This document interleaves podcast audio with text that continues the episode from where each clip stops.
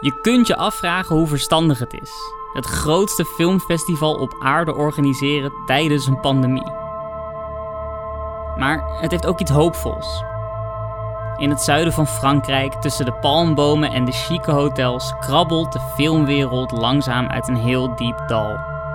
Dat hoopvolle gevoel werd mooi samengevat door de Franse regisseur en jurylid Mati Diop, die zei: This shift from a century to another, and that uh, I felt it was really the first um, edition of a, obviously a new era. Dit is niet de 74e editie van het Filmfestival van Cannes, maar de eerste editie van een nieuw tijdperk.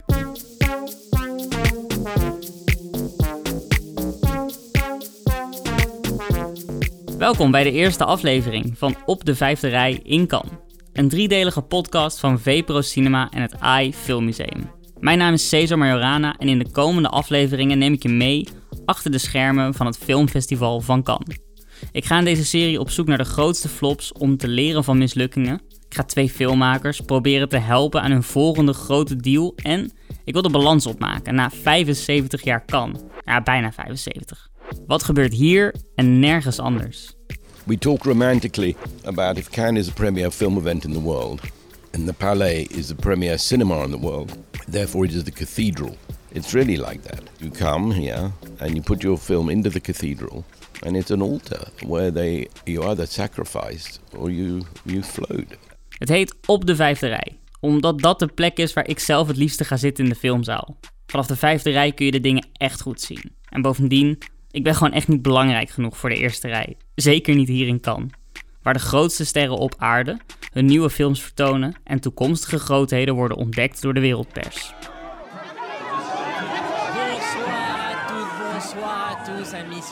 Dit is het geluid van de belangrijkste rode loper op aarde. Als voetballer kijk je uit naar het WK. Als wielrenner naar de Tour de France. Als professioneel scheenschopper, ja dat is echt een sport, kijk je uit naar de Shin Kicking World Championships. En als filmmaker kijk je uit naar dit geluid en deze loper. Als je film draait in Cannes, betekent dat dat je binnen bent in de filmwereld. Vorig jaar kwam iemand heel dicht bij dat magische moment.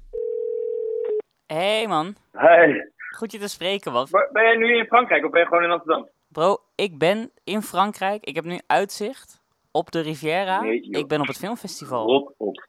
Ik spreek met Vincent Tilanus. Hij maakte de korte studentenfilm Marlon Brando over twee opgroeiende beste vrienden. En die film werd gekozen voor Cannes, maar ja, precies dus in het jaar dat het festival niet gehouden werd. Ja, ik ben thuis. Hoezo ben jij thuis, Vincent? Ja, omdat ik een nieuwe film moet maken. Ja. Vorig jaar ging het voor mij niet door, het feest.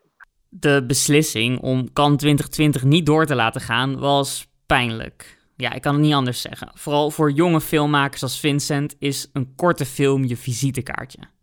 En zijn kans om dat visitekaartje te delen op het grootste podium is in rook opgegaan. Een film die hebben we gemaakt in Nijmegen, mijn oude middelbare school. Met echt, weet je wel, zo gedraaid op de slaapkamers van mijn oude vrienden, met mijn ouders eh, op locaties. En, en het is echt, weet je wel, het is een heel klein en persoonlijk portret geworden. Dat is natuurlijk ook een, iets wat je niet verwacht, dat dat universeel een podium krijgt.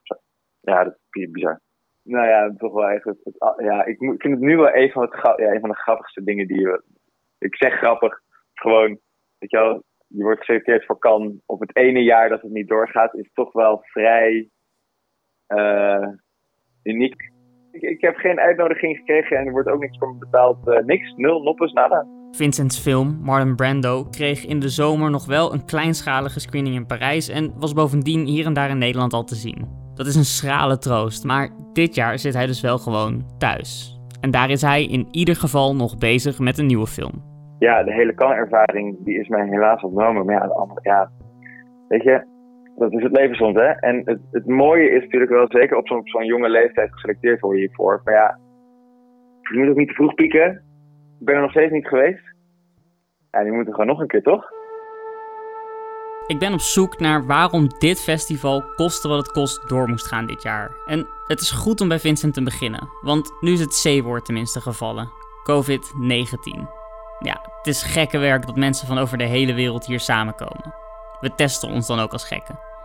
Ik heb vandaag alleen al drie verschillende negatieve COVID-tests gedaan. een PCR-test, een antigeentest en een spuugtest. Die laatste wordt hier in een groot testcentrum gratis aangeboden en moeten bezoekers elke 48 uur doen. Dus elke 48 uur sta ik met de ganse wereld pers en cinema luidruchtig te tuffen in een speekselbakje met een naamsticker. Een paar uur later krijg ik te horen of ik op het festival mag zijn.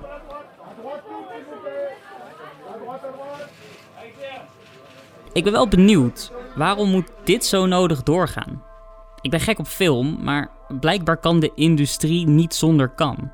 Ik ga mensen spreken die me precies kunnen vertellen waarom ze hier komen spugen in een bakje. En belangrijker nog, waarom nou precies dit festival het equivalent van het WK voetbal of scheenschoppen is. Bert Goesen is de eerste persoon die ik ontmoet. Hij is distributeur bij Move en komt hier om films te selecteren die je binnenkort in de bios kunt gaan zien. Ik kom er meteen achter dat hij hier een absurde hoeveelheid films kijkt. Ik probeer er zes per dag te kijken. Twee s ochtends, twee s middags en twee s avonds. Dat is wel heel intensief, moet ik toegeven. Als ik dan na elf dagen hier eh, thuis kom, dan moet ik echt een dag eh, rusten. En mijn ogen sluiten om helemaal niks te zien. um, lukt niet altijd zes, soms vijf. Maar ja goed, dan heb je toch uh, 50, 60 films gezien na het festival. Mijn moeder zou bang zijn dat je vierkante ogen krijgt. Dat hoor ik wel vaker de mensen. Maar ja, ik vergelijk altijd met mensen die van boeken houden. Er zijn mensen die kunnen twee, drie boeken in een week lezen. En uh, die hebben ook geen vierkante ogen of uh, rechthoekige ogen of weet ik veel wat. Het is gewoon een soort passie. En uh, dat zit er helemaal in. je zou zeggen, na 40 jaar is dat toch wel opgedrogen onderhand. Want je hebt alles wel gezien. Maar dat is niet zo. Tenminste, bij mij is dat niet zo. Bij heel veel andere mensen wel. Want die hebben zoiets van, ja, dat heb ik al gezien en bla bla bla. Vooral bij journalisten heb je dat vaak zo van, nou, als ze 20 jaar meelopen, dan hebben ze het wel gezien. Maar ik heb altijd, uh, ik heb altijd de behoefte om iets, om iets nieuws, iets te zien wat ik nog nooit gezien heb. En dat is eigenlijk in elk festival, of dat nou in Cannes is, of in Berlijn, of in Venetië, of in Toronto, dat maakt eigenlijk niet uit. Er zit altijd wel één film bij, of twee films, die, waarvan je zegt, ja, dit heb ik nog nooit eerder gezien. En dat is eigenlijk al 40 jaar zo. En dat vind ik eigenlijk het bijzondere, dat je die, die drang hebt om dat nog steeds te ontdekken, zeg maar. En uh, ja, dat is eigenlijk mijn, mijn drijfsfeer, mijn passie voor de cinema. Als je hier zo lang komt, dan heb je ongetwijfeld het hele festival zien groeien tot wat het nu is. Hoogte- en dieptepunten. 1980 was mijn eerste festival. En uh, in 1982 was eigenlijk al mijn, uh, mijn, mijn mooiste ervaring. Want toen uh, draaide als openingsfilm draaide de film Jol. Een Turkse film van Yilmaz Güney. Ik weet niet of je er ooit van gehoord hebt, waarschijnlijk niet. En die was verboden in Turkije, want Yilmaz Guinea zat in de gevangenis. Ik krijg zin om een aflevering van acht uur te maken. Waarin Bert vertelt over alle films die hij hier zag en die hij nog altijd scène voor scène kan navertellen. Hij weet nog precies in welke zaal de stoeltjes niet deugden en bij welke films de ondertiteling alleen in het Frans was. Maar wat ik echt wil weten is, wat is er in die tijd nou allemaal veranderd? Ja, het is eigenlijk steeds meer een mediafestival geworden. Vroeger had het, hè, ging het eigenlijk nog veel meer over de inhoud van de film en de regisseurs en noem maar op allemaal.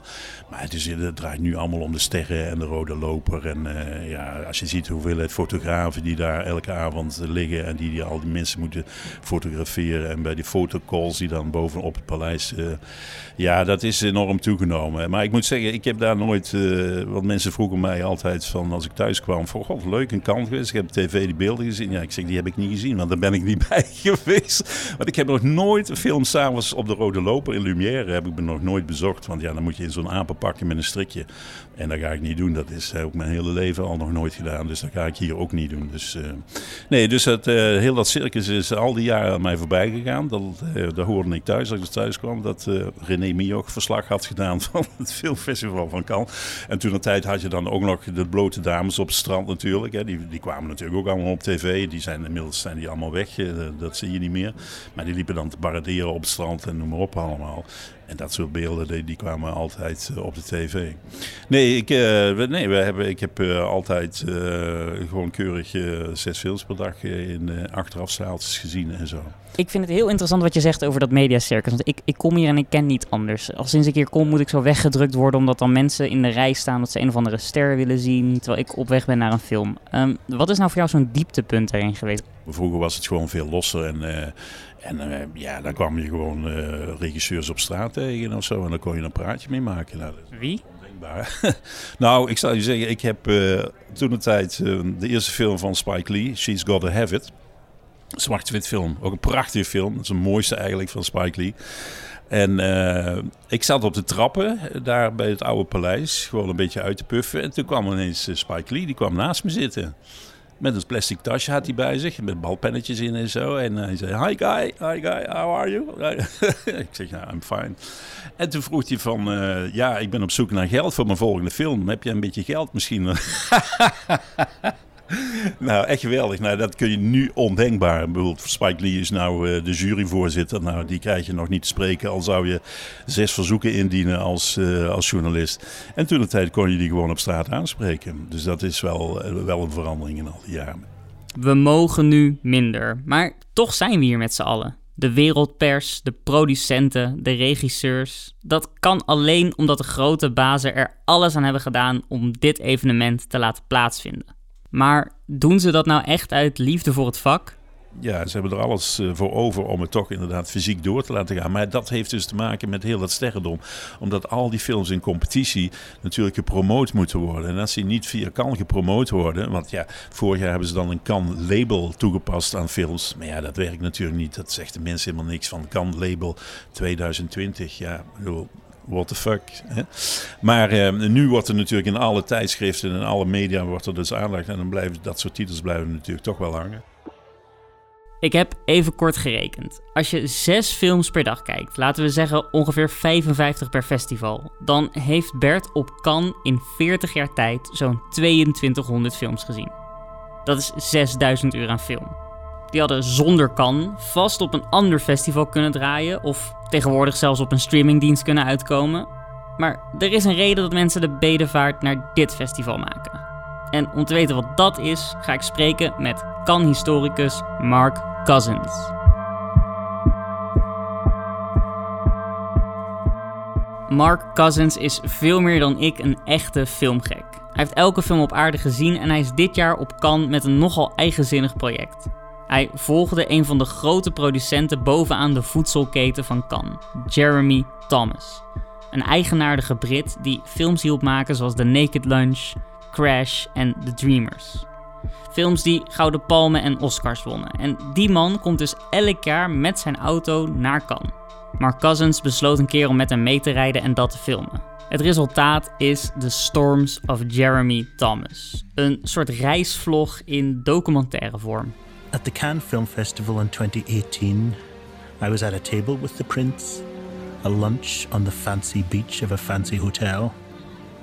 It was sunny, but then a storm came. Diners grabbed their plates and ran to escape the rain and thunder.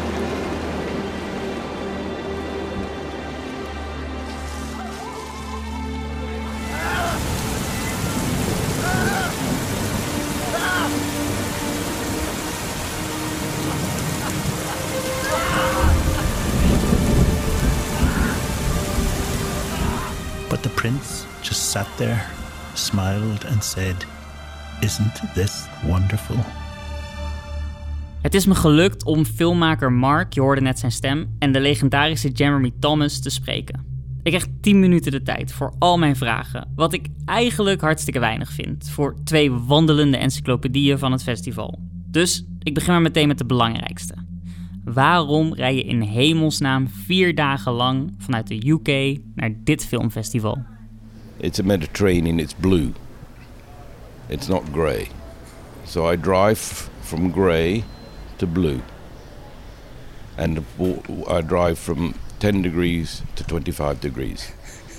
And um, basically through beautiful countryside, and it's uh, irresistible when you understand what that is. Uh, there, there, are lots of films about two people, Thelma and Louise, many others, and that twosome, that gruesome twosome, as you could say, you know, is something special.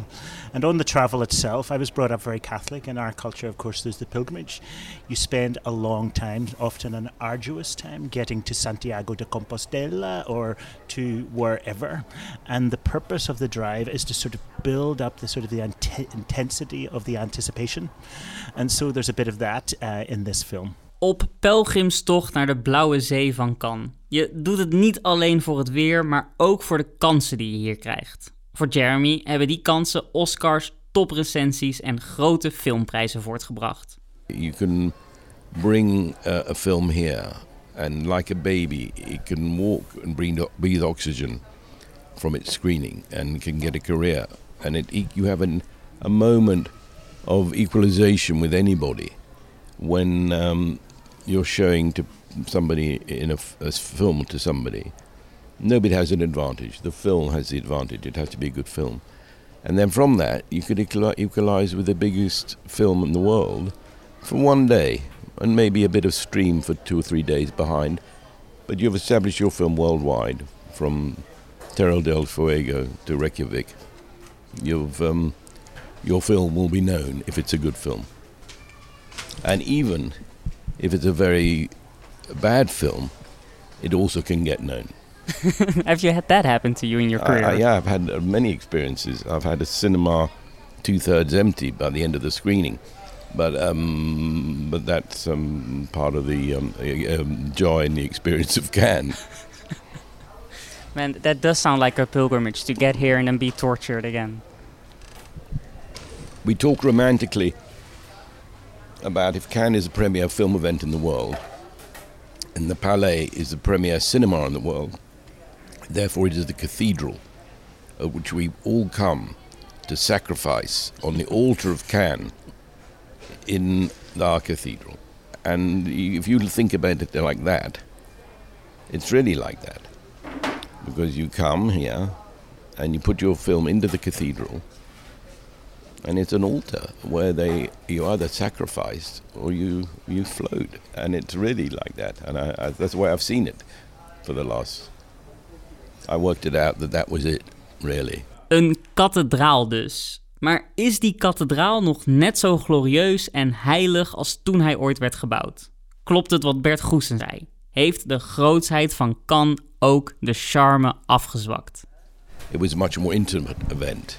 Uh, it wasn't like the festival today, where everybody's hidden. It was a very open event. There wasn't any digital cameras. There was no um, photographing people in bad photographs, and people were all mingling together. If you can imagine that. everybody's so separated here now. I suppose that, that, that was much more intimate. I find it quite difficult here because uh, for me it's too hot, etc. But what I love most about Cannes is that it's so international. Uh, cinema is an international language. It's a global art form. Uh, it's a global sublime art form. And so the whole globe, or most of the globe, is here. And that's the best thing. I had dinner with the Iranians last night. I met my Chinese friends, etc. And if I can often feel comp- confined by living in one culture, especially a culture like Britain. Many countries are too narrow too nationalistic, too concerned with their own stories. So to be here, this is a global story. It's a, a multiverse. It's a spider-verse, you could say. And that's why I like it so much. Ik las dat filmcriticus Roger Ebert zei dat naar kan gaan hetzelfde is als autorijden. Je moet het al een paar keer hebben gedaan voordat je echt begint. Dit is nu mijn vierde jaar en ik begin langzaam aan te snappen waarom zoiets groots en massaals als kan per se gehouden moet worden. Maar Jeremy Thomas, die op dit festival met de grootste wereldsterren succes behaalde, ik noem Tilda Swinton, David Cronenberg en Eva Green, zegt het eigenlijk het beste. For me, it's, a, very important film. Not only the not only the sort of different artistries from different places and different themes and different ways of, of telling a story, but it's also the way that I myself got my education about the world. Because you know, when we're not all great students, you know, we don't listen to our parents what they tell you about when they're talking about their experiences, and we hardly listen to our teachers unless you're some sort of nerd. so when you come out of that school and you start being able to do films, for me, I got my education about Japan, Italy, Africa, South America, the Arctic. I got it all from movies. I, I saw it all. I smelt it from the films. I heard it. I looked at it. I saw it and therefore the time when I by the time I started myself exploring the world, I already had a primer from movies, and uh, you know it's obvious though, isn't it? It's completely obvious, and it's very maybe it's even silly to tell that, but we are all subconsciously been educated by movies, and it's impossible to say no, and that's the truth. Het klopt wel, de hele filmwereld komt hier samen en elk land heeft daar beste makers en producenten in de race. Daar ontstaan samenwerkingen en uitwisselingen die je anders gewoon niet had gehad. En dat is een vier dagen lange autorit meer dan waard. It's always uh, stimulating in the car, and if it's not stimulating, just go to sleep. If you're not driving, that is. no, no, I wouldn't let Mark behind the wheel. I, I, I hate being driven. I hate being driven. I really don't like being driven. I, I, it's, it's, it's, I'm a very, I'm a bad passenger. And I don't, I really don't like driving. So it's perfect. Jeremy is een grootheid achter de schermen. Alleen al The Last Emperor, de Bertolucci-film waar hij producent van was, won 9 Oscars. En er is ook nog een Nederlandse producent die zulke grote successen mogelijk maakt. Dat is Els van der Vorst. Ze co-produceerde films van Lars von Trier, zoals Dancer in the Dark en Dogville, maar ook Martin Koolhoven's oeuvre en een van de beste films van dit jaar, Kovaidi's Aida. Ze komt hier al 30 jaar en haar belangrijkste herinnering aan Cannes zegt iets heel nieuws over wat hier kan gebeuren. Het was in 2003, toen ze met de film Dancer in the Dark in de competitie meedeed. Met die film is iets aan de hand. Hij wordt altijd in één adem genoemd met de heftige ruzie die regisseur Lars von Trier met artiest en actrice Björk had. Het liep zo uit de hand dat Björk uiteindelijk niet eens naar de première van de film wilde komen. Er was een, eigenlijk een, een best wel een langdurige ruzie tussen uh, Björk en Lars von Trier. Björk zou niet naar kan komen. Zij zou er niet zijn, verder was iedereen er wel. Dus daar was um, de hele tijd dat van ja, het is toch wel heel vervelend dat zij niet is. Want zij was eigenlijk de film natuurlijk. Het was haar muziek, uh, ze speelde die hoofdrol. En toen weet ik nog dat ik met Sam Formalta zat ik bij het Majestic op het terras. We zaten zo klein, ik weet niet wat het over ging. En toen op een gegeven moment ging hij zo hele rare gezichten trekken naar mij. En ik, ik begreep het helemaal niet. Dus ik zei van ja, wat, wat, zeg dan, wat, wat, wat bedoel je precies? En zo, nou, maar hij ging alleen maar nog raardere gezichten trekken. Dus op een gegeven moment zei ik, nou Samfoe, weet je, ik, ik ga even naar de wc, kom zo terug. Maar wat bleek nou? Hij was proberen mij aan het wenken, omdat Björk dus achter mij zat uh, op dat terras. En dat had ik gemist, maar hij niet. En uh, dat, dat kan ik me nog herinneren als dat zo'n bijzonder moment omdat iedereen dacht dat, dat zij er niet was. En dat ik natuurlijk daarna meteen met de, met de hoofdproducent heb gebeld. En, en dat was alsof ik er bijna voor je gevoel dat ik ontdekte dat ze hier stiekem incognito toch op het festival was gekomen. Ja, en het, het, het, einde is, is geschiedenis omdat zij natuurlijk wel naar die première is gekomen en wel dat moment heeft genomen. Op de een of andere manier was die première zo geslaagd dat de ruzie leek te worden bijgelegd. Het euforische klappen van het publiek bleek een soort relatietherapie. Ze zaten wel de hele film naast elkaar. Het was een heel lange pauze. Het was meer dan 20 minuten staande ovatie op die film. En iedereen zat te wachten en te wachten en te wachten. En bleef maar. En je voelde op een gegeven het applaus was niet meer alleen voor de film, maar was ook om hun aan te moedigen. Om dan uiteindelijk in elkaars armen te vallen. En dat is dan als je daar heel dichtbij staat. Echt heel dicht. Dan, uh, ja, dan is dat wel heel bijzonder om te zien wat er gebeurt. Want dan wordt het toch uiteindelijk met al de glamour en alle glitter en zo wordt het toch ook een heel menselijk iets. Hè? Van ja, zijn we bereid om dat stapje te maken? En, uh... en toch zegt ook Els dat er iets grandioos is veranderd sinds ze hier net na het afstuderen van de filmacademie kwam als 28-jarige producent. Ik denk dat mensen ook wel ja, veel meer angst ingeboezemd hebben gekregen of hebben laten gebeuren ja, dat, dat ze meer op, uh, ja, toch op, op een soort safe, op, ja, alles zit zo, voor mijn gevoel zo vast in structuur en hoe het hoort. En dat we allemaal een beetje hetzelfde moeten doen en niet te ingewikkeld. En ik zie gewoon veel minder mensen die dat niet hebben. Ja. Ik weet niet zo goed hoe ik het moet uitleggen, omdat ik, ik wil er geen waardeoordeel aan, aan hechten. En ik wil ook niet, het is ook maar, maar een mening en dingen van mijn mening. Maar ja, ik mis, ik mis dat wel.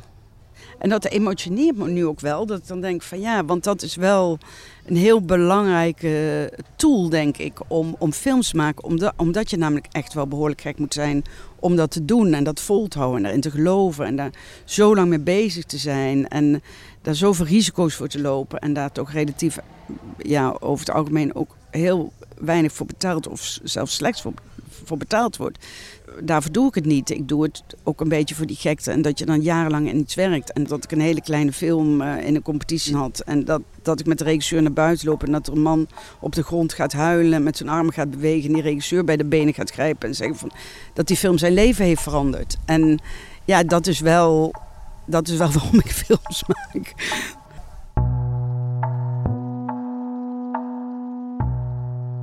Ja, dit is natuurlijk gewoon wat er gebeurt. Als je mensen die al veel langer dan jij op een bepaald festival komen vraagt naar wat er veranderd is. Dan was het vroeger altijd beter. De gulden was beter, de chipsverpakkingen zaten voller. Je kon nog gewoon voor een dubbeltje koffie drinken en ja, de films waren vast ook veel beter. Maar is die nostalgie van de filmmensen terecht? Ik moet terugdenken aan iets wat Bert Goesen zei. Maar ik ben niet zo iemand die in nostalgie hangt en, uh, allemaal roept van ja, maar vroeger was het allemaal veel gezelliger en veel leuker en veel blablabla. Nee, het, het, het, heeft ook zijn voordelen. Ik bedoel, hoe het nou georganiseerd is en, en, en de kwaliteit die ze nu bieden. Want vroeger was het natuurlijk ook beperkt met, vanwege de 35 mm en noem maar op allemaal. Maar ja, de laatste jaren is het programma van Cannes is zo kwalitatief zo omhoog gegaan in vergelijking met vroeger. En dat is natuurlijk wel heel fijn. Je ziet hier echt uh, de top of the bill uh, in, in, in ja, 10, 11 dagen. En dat kan in eh, geen een ander festival kan dat zeggen. Dat kan Berlijn niet, dat kan Venetië niet. Dus ja, wat dat betreft heeft kan zich wel bewezen dat het qua kwaliteit van film wel het beste festival van de wereld is. Ja. En dit is dus waar het allemaal om draait. De selectie van Cannes is van zo'n hoog niveau, daar kan niemand anders aan tippen. Wie iets te maken heeft met goede film, is hier. En dat klinkt een beetje als een kip en het ei verhaal. Dit is het belangrijkste festival omdat het het belangrijkste festival is. Maar dat is echt niet zo vanzelfsprekend als het ooit was. Het festival moet zich verzetten tegen soortgelijke festivals in Venetië en Berlijn en een veel grotere rivaal, streaming. De directeur, Thierry Fremont, stelde het dit jaar zelfs zo scherp dat hij zich hardop afvroeg welke filmmaker is er ooit ontdekt door Netflix. Ik kan er zelf niet meteen één bedenken. En dat makers als Paul Verhoeven, Wes Anderson, François Ozon en Mia Hansen-Luff hun films liever hier vertonen dan daar, dat zegt wel iets. Ze hebben er een jaar op gewacht.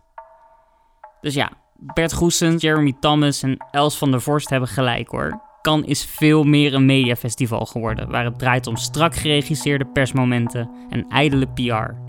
Maar als je dat weghaalt, blijft er nog steeds een kathedraal over waar film en filmtalent op het altaar staan. En dat is ook waarom zij blijven komen.